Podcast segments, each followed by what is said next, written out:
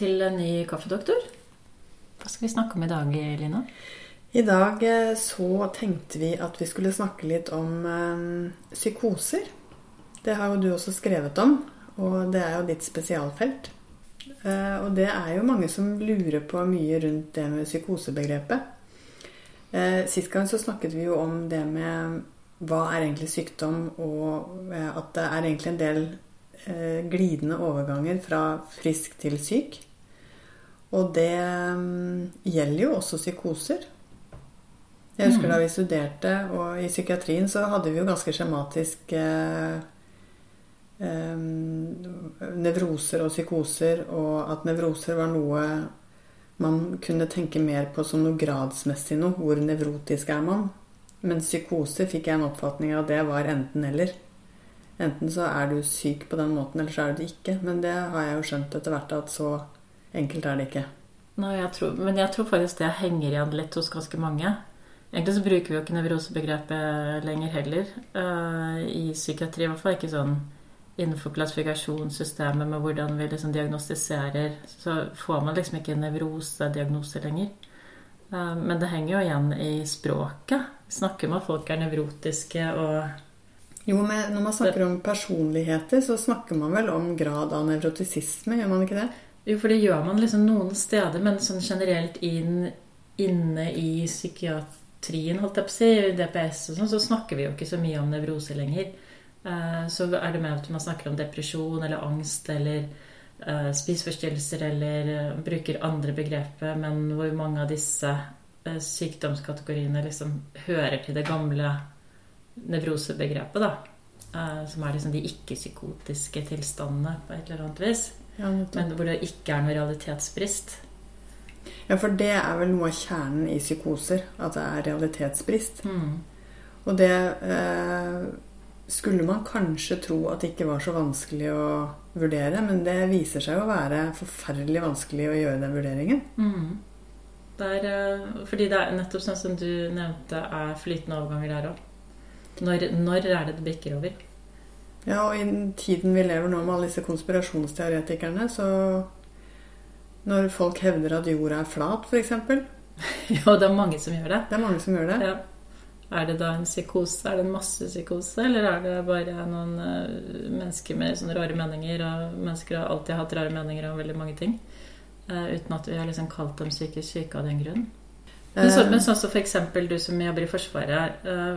jeg går til at Forsvaret kjenner til det at mennesker kan bli psykotiske, og at også friske mennesker kan bli psykotiske.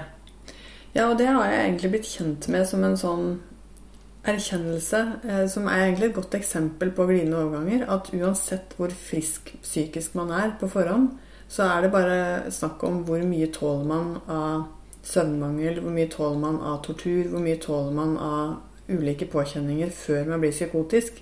Det er jo ikke sånn at man ikke blir psykotisk. Nei, jeg, jeg tenker, Det pleier jeg også å si til studentene jeg underviser, at sånn alle kan bli psykotiske. Og det er på en måte noe vi må ha med oss.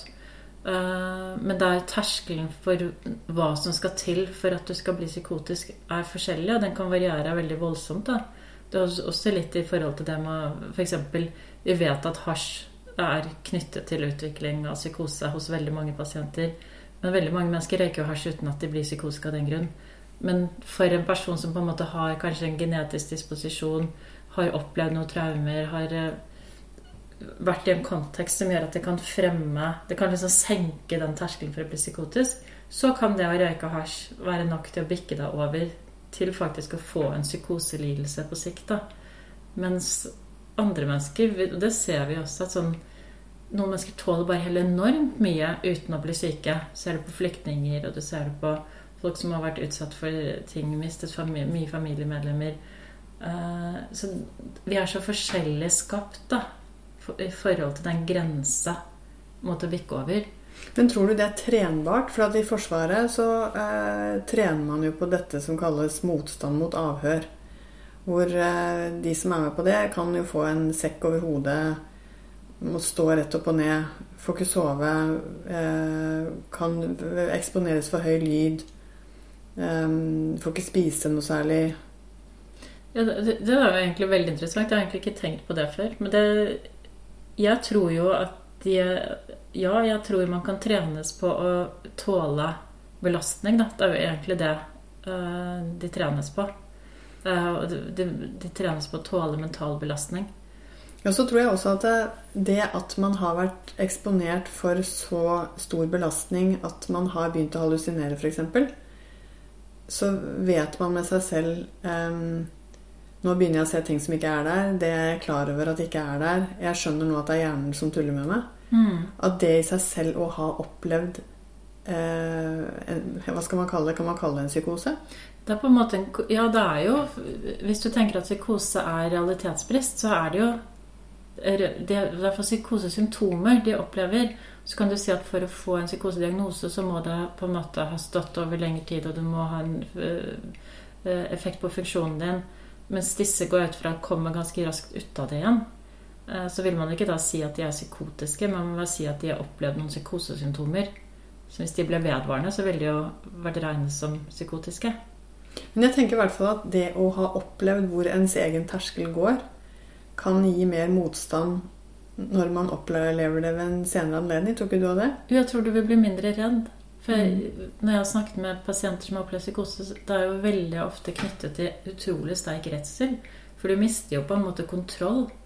Eh, og jeg tror jo også kanskje har det skjedd ting i forløpet før de blir psykotiske som gjør at de egentlig ubevisst har mistet kontroll. Og så er egentlig det som skjer i psykosen, tenker man seg da, eh, en form for en måte å lage en kontroll oppi det kaoset.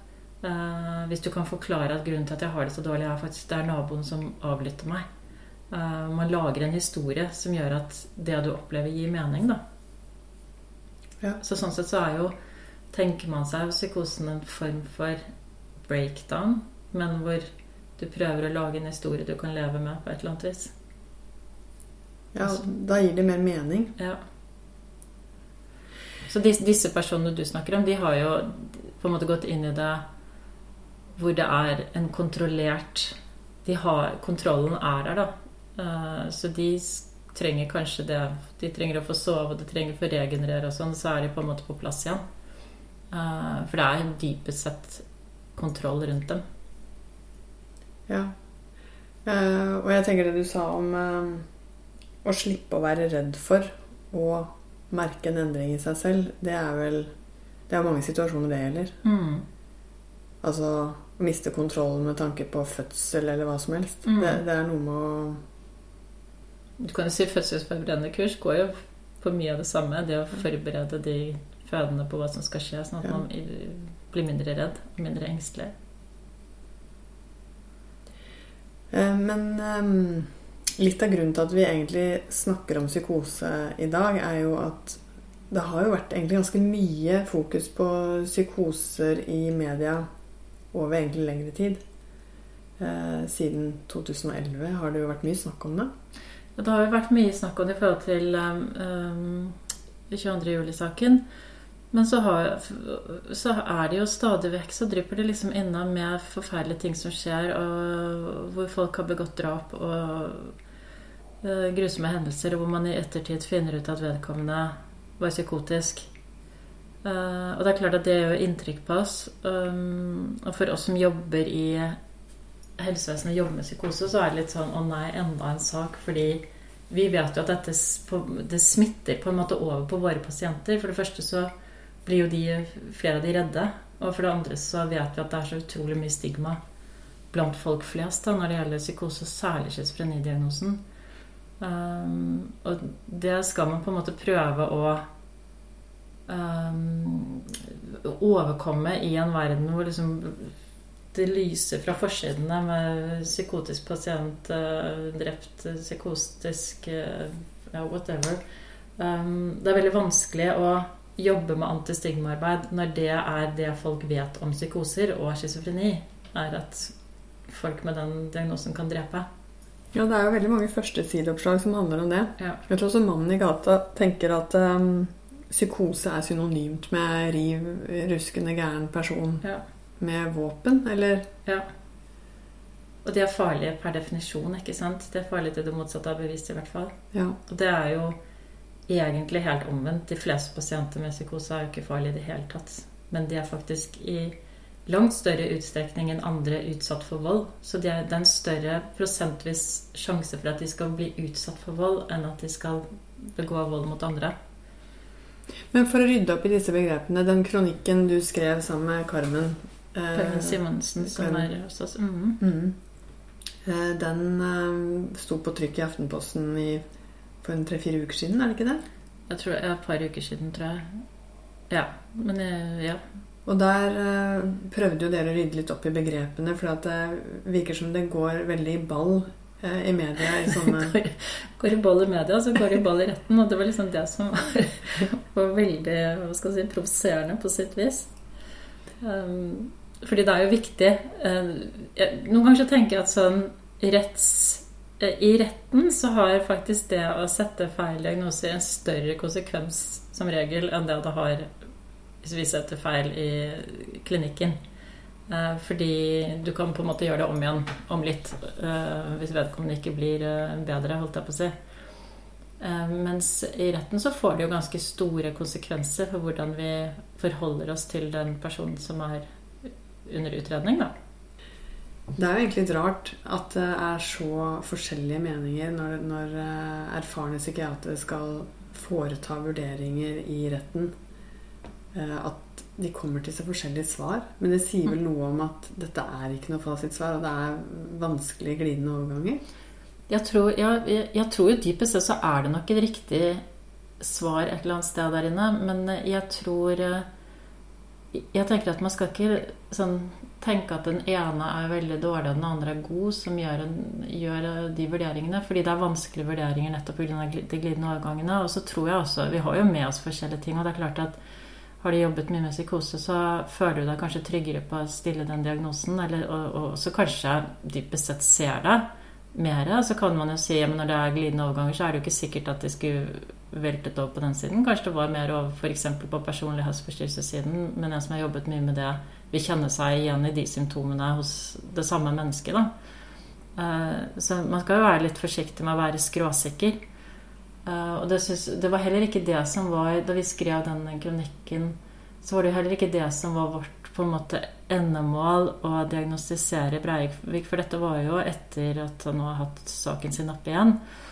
Um, for jeg må innrømme at det er en utrolig vanskelig sak, og jeg syns man skal ha respekt for de vurderingene som er blitt gjort. Eh, men det vi har reagert på, er jo at både under den første rettssaken og nå under den siste, så kommer det frem Det blir generalisert over eh, begrepene psykose og schizofreni på en måte som gjør at veldig mange pasienter som ikke har begått noe galt i det hele tatt, eh, vil føle seg truffet av en beskrivelse av dem. Som det jo indirekte blir, som ikke stemmer. Så vi tenkte at det var kanskje greit å rydde opp i noen begreper, da. Ja, Man har ikke lyst til å være i samme bås som en drapsmann. Nei, det er nemlig Det er jo litt det vi ender med. At sånn, man har ikke lyst til å um, For det første så er jo det et problem. At du har ikke lyst til å ha den samme diagnosen som en som har begått en forferdelig ugjerning, når man sier at vedkommende har begått ugjerning pga. den diagnosen. For det er jo litt sånn det fremstilles. Uh, dessverre så kan vi jo ikke heller unngå det alltid. At, for det er jo noen mennesker som er psykotiske, som begår forbrytelser. Men det vi kanskje reagerte mest på, var beskrivelser av en med psykose som en som ikke kan liksom, tenke helt klart, som kan se normal ut, som um, At vedkommende vil skille seg vesentlig ut fra andre. Man vil merke det med en gang. Uh, de vil ikke kunne foreta målrettede handlinger um, etc., etc., som ikke er riktig. Um, og derfor så tenkte vi at sånn, det var åpenbart at man trengte et sånn lite krasjkurs um, i hva en psykose er for noe. Mm. Kanskje du kan bare ja, Kan ikke du si kort For det, um, sånn som vrangforestillinger er jo egentlig nok til å tilfredsstille en psykosediagnose, ikke sant? Ja. Uh, sånn som vi um, satte det opp i den artikkelen, så tenker vi at er, man må skille mellom det som er symptomer, som er f.eks. en vrangforestilling, og det som er en psykose, som er mer et fenomen. Og så har du en diagnose som er når du setter forskjellige symptomer sammen og ser at de varer over tid, så blir det en, nok til at du kan kalle det en diagnose, da. Uh, og da er det liksom fem sånn hovedsymptomer på psykose eh, som man liksom leter etter når man skal stille en diagnose. Og da kan du ha liksom ett av de symptomene, eller du kan ha en kombinasjon av dem. Og de symptomene er eh, vrangforestillinger, som er det å tro at du, du tror noe som ikke andre tror på, eller som viser seg på en måte å være feil. Og det kan være alt fra eh, sånn erotomane vrangforestillinger, at du tror noen er forelsket i deg, eller eh, ja, eh, noen Du kan tro at noen stalker deg også, uten at det er riktig. Og det kan være vrangforestillinger om naboen din, at du blir avlyttet. Det kan være vrangforestillinger om at du kan styre deler av verden, eller at du kan telepatere med folk. Vi har også hatt vrangforestillinger om at man er en annen person. Og det er jo ofte knyttet til ting som er i samtiden. Eh, Da jeg jobbet i min tidligere karriere, eller tidlig karrieren, så var det Jeg husker vi hadde flere som mente at de var kjente popstjerner som var kjent på det tidspunktet. At de, de mente de var de. Eh, man kan mene at man er Jesus, man kan mene så mange ting. At man skal redde et broderfolk fra nazismen? Det kan man også. Men nå, nå går vi jo over i noe tidsaktuelt, men som jeg ikke på noen måte vil blandes inn i. Eh, Eller så har du hallusinasjoner. Eh, Og det kan være både å se ting som andre ikke ser, eller det kan være å høre ting som andre ikke hører. Og det, er, det siste er det vanligste. Du kan også merke ting som ikke er til stede. Merke at det er dyr på kroppen din, eller uh, at det skjer ting med kroppen din. Um, uh, som er taktile hallusinasjoner. Men den vanligste er hørselshallusinasjon, og da er det at du kan høre en stemme. Og det jeg tenker er forvirrende for veldig mange, er jo at den stemmen kan høres like klar ut som din og min stemme nå. Uh, og den kan komme liksom fra, ha en følelse av at den kommer fra et sted inni hodet ditt, men den kan også oppleves som den kommer utenfra hodet ditt. Og da skjønner man ikke at den egentlig er For den er jo like klar som din og min stemme. Så det er klart at når du hører det, så blir du jo Du skvetter jo til. Det, det, det føles utrolig merkelig. Og de stemmene er De er oftere truende enn det motsatte, er det ikke det? Jo, ofte, De kan ofte sånn starte litt sånn eh, ikke så ille, og så blir de mer og mer sånn ondsinnet. Og veldig mange sliter jo med at de kaller deg De kan si sånn du er stygg. Uh, hvorfor åpner du munnen nå? Uh, skulle ønske du ikke var til. Sier utrolig nedlatende ting, da. Og så kan det også være en karakter hvor de ber deg om å gjøre ting. Og det er Når man føler at man ikke kan på en måte motstå det, det er, da kan det begynne å bli farlig. Så også mange drap som er begått, har nok hatt dette med det vi kaller imperative stemmer. Da, at de ber deg om å gjøre ting. Eh, De kan også be deg om å hoppe utfor noe, eller ja, alt mulig, egentlig. Ja, for det er vel en del selvmord man tror skyldes hørselshallusinasjoner? Ja, Og som ikke skyldes at eh, du var så deprimert, men at du faktisk trodde det var riktig å gjøre det. Eh, og det får jo det får vi jo ikke vite når vedkommende er død, men det er noen som overlever, og som kan fortelle oss de historiene. da. Og så har man det som er tankeforstyrrelser, som er kjempevanskelig. Altså Når jeg underviser om det, så pleier jeg å si Når du snakker med pasienter, og du føler du hele tiden faller ut At sånn Shit, nå mistet jeg tråden igjen, liksom. Uh, og nei, nå skjedde det igjen. Uh, er ofte uttrykk for tankeforstyrrelser. Um, det Er jeg tankeforstyrrer? du er av og til bitte lite grann. ikke sånn kjempeofte. Men det er en sånn veldig rar følelse man har. da At sånn Jeg falt ut og falt ut og falt ut. Og sånn helt subtilt. Uh, Men det kan også være at du hører tankene dine som et ekko, eller du føler at uh, Tankeblokk. Flere forskjellige måter tankene dine blir forstyrret på. Og så har man det som heter desorganisering, som er sånn desorganisert atferd. At du gjør og sier ting som er veldig eh, merkelig. Uh, og så har du negative symptomer som handler mer om den manglende drive til å gjøre noe, manglende motivasjon.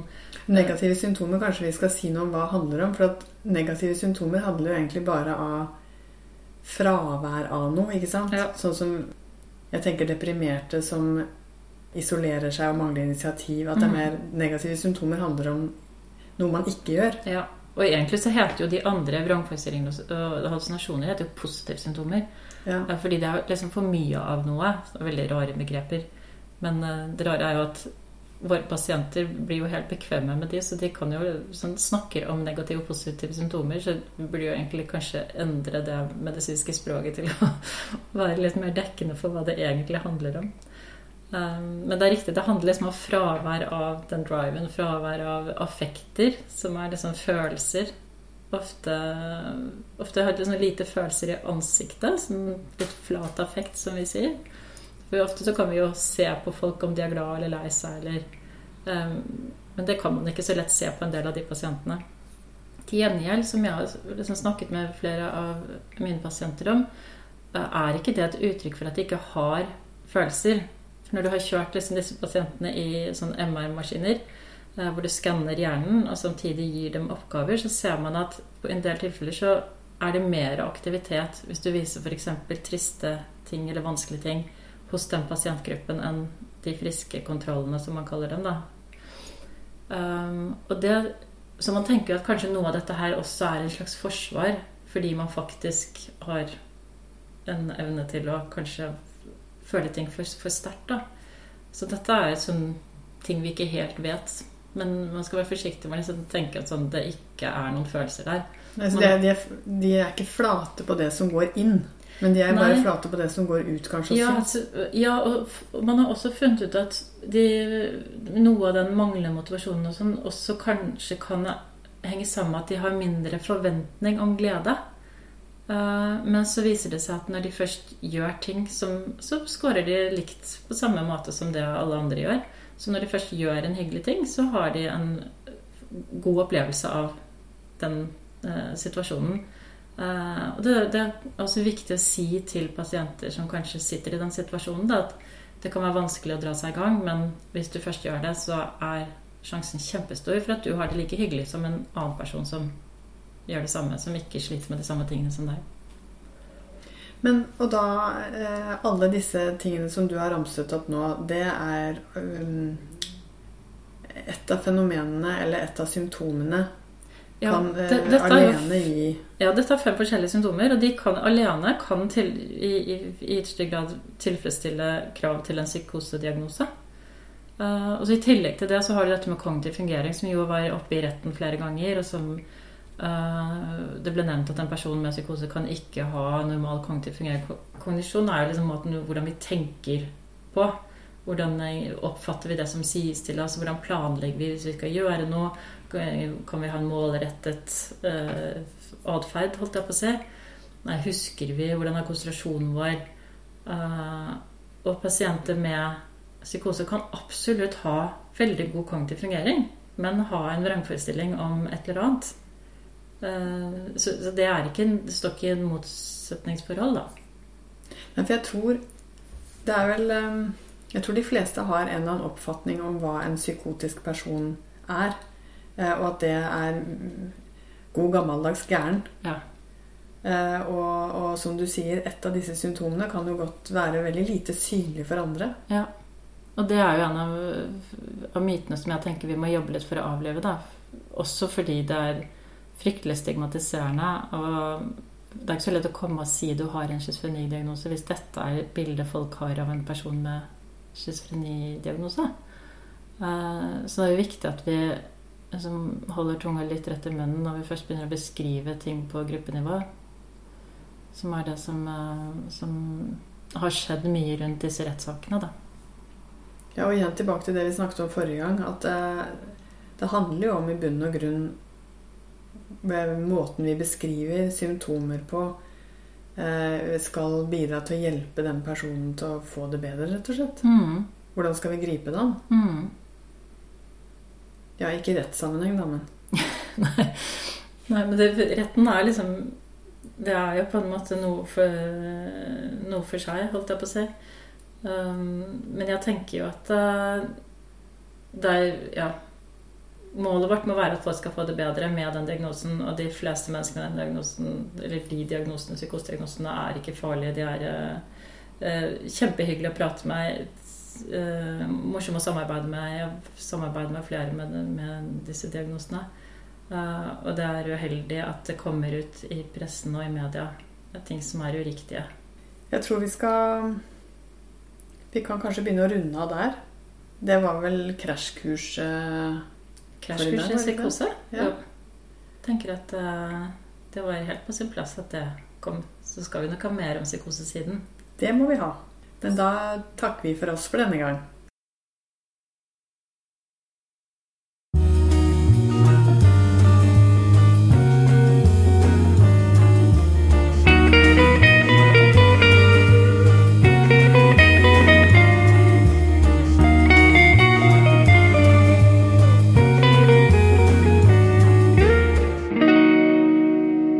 kaffedoktor med Rom og Linnestad.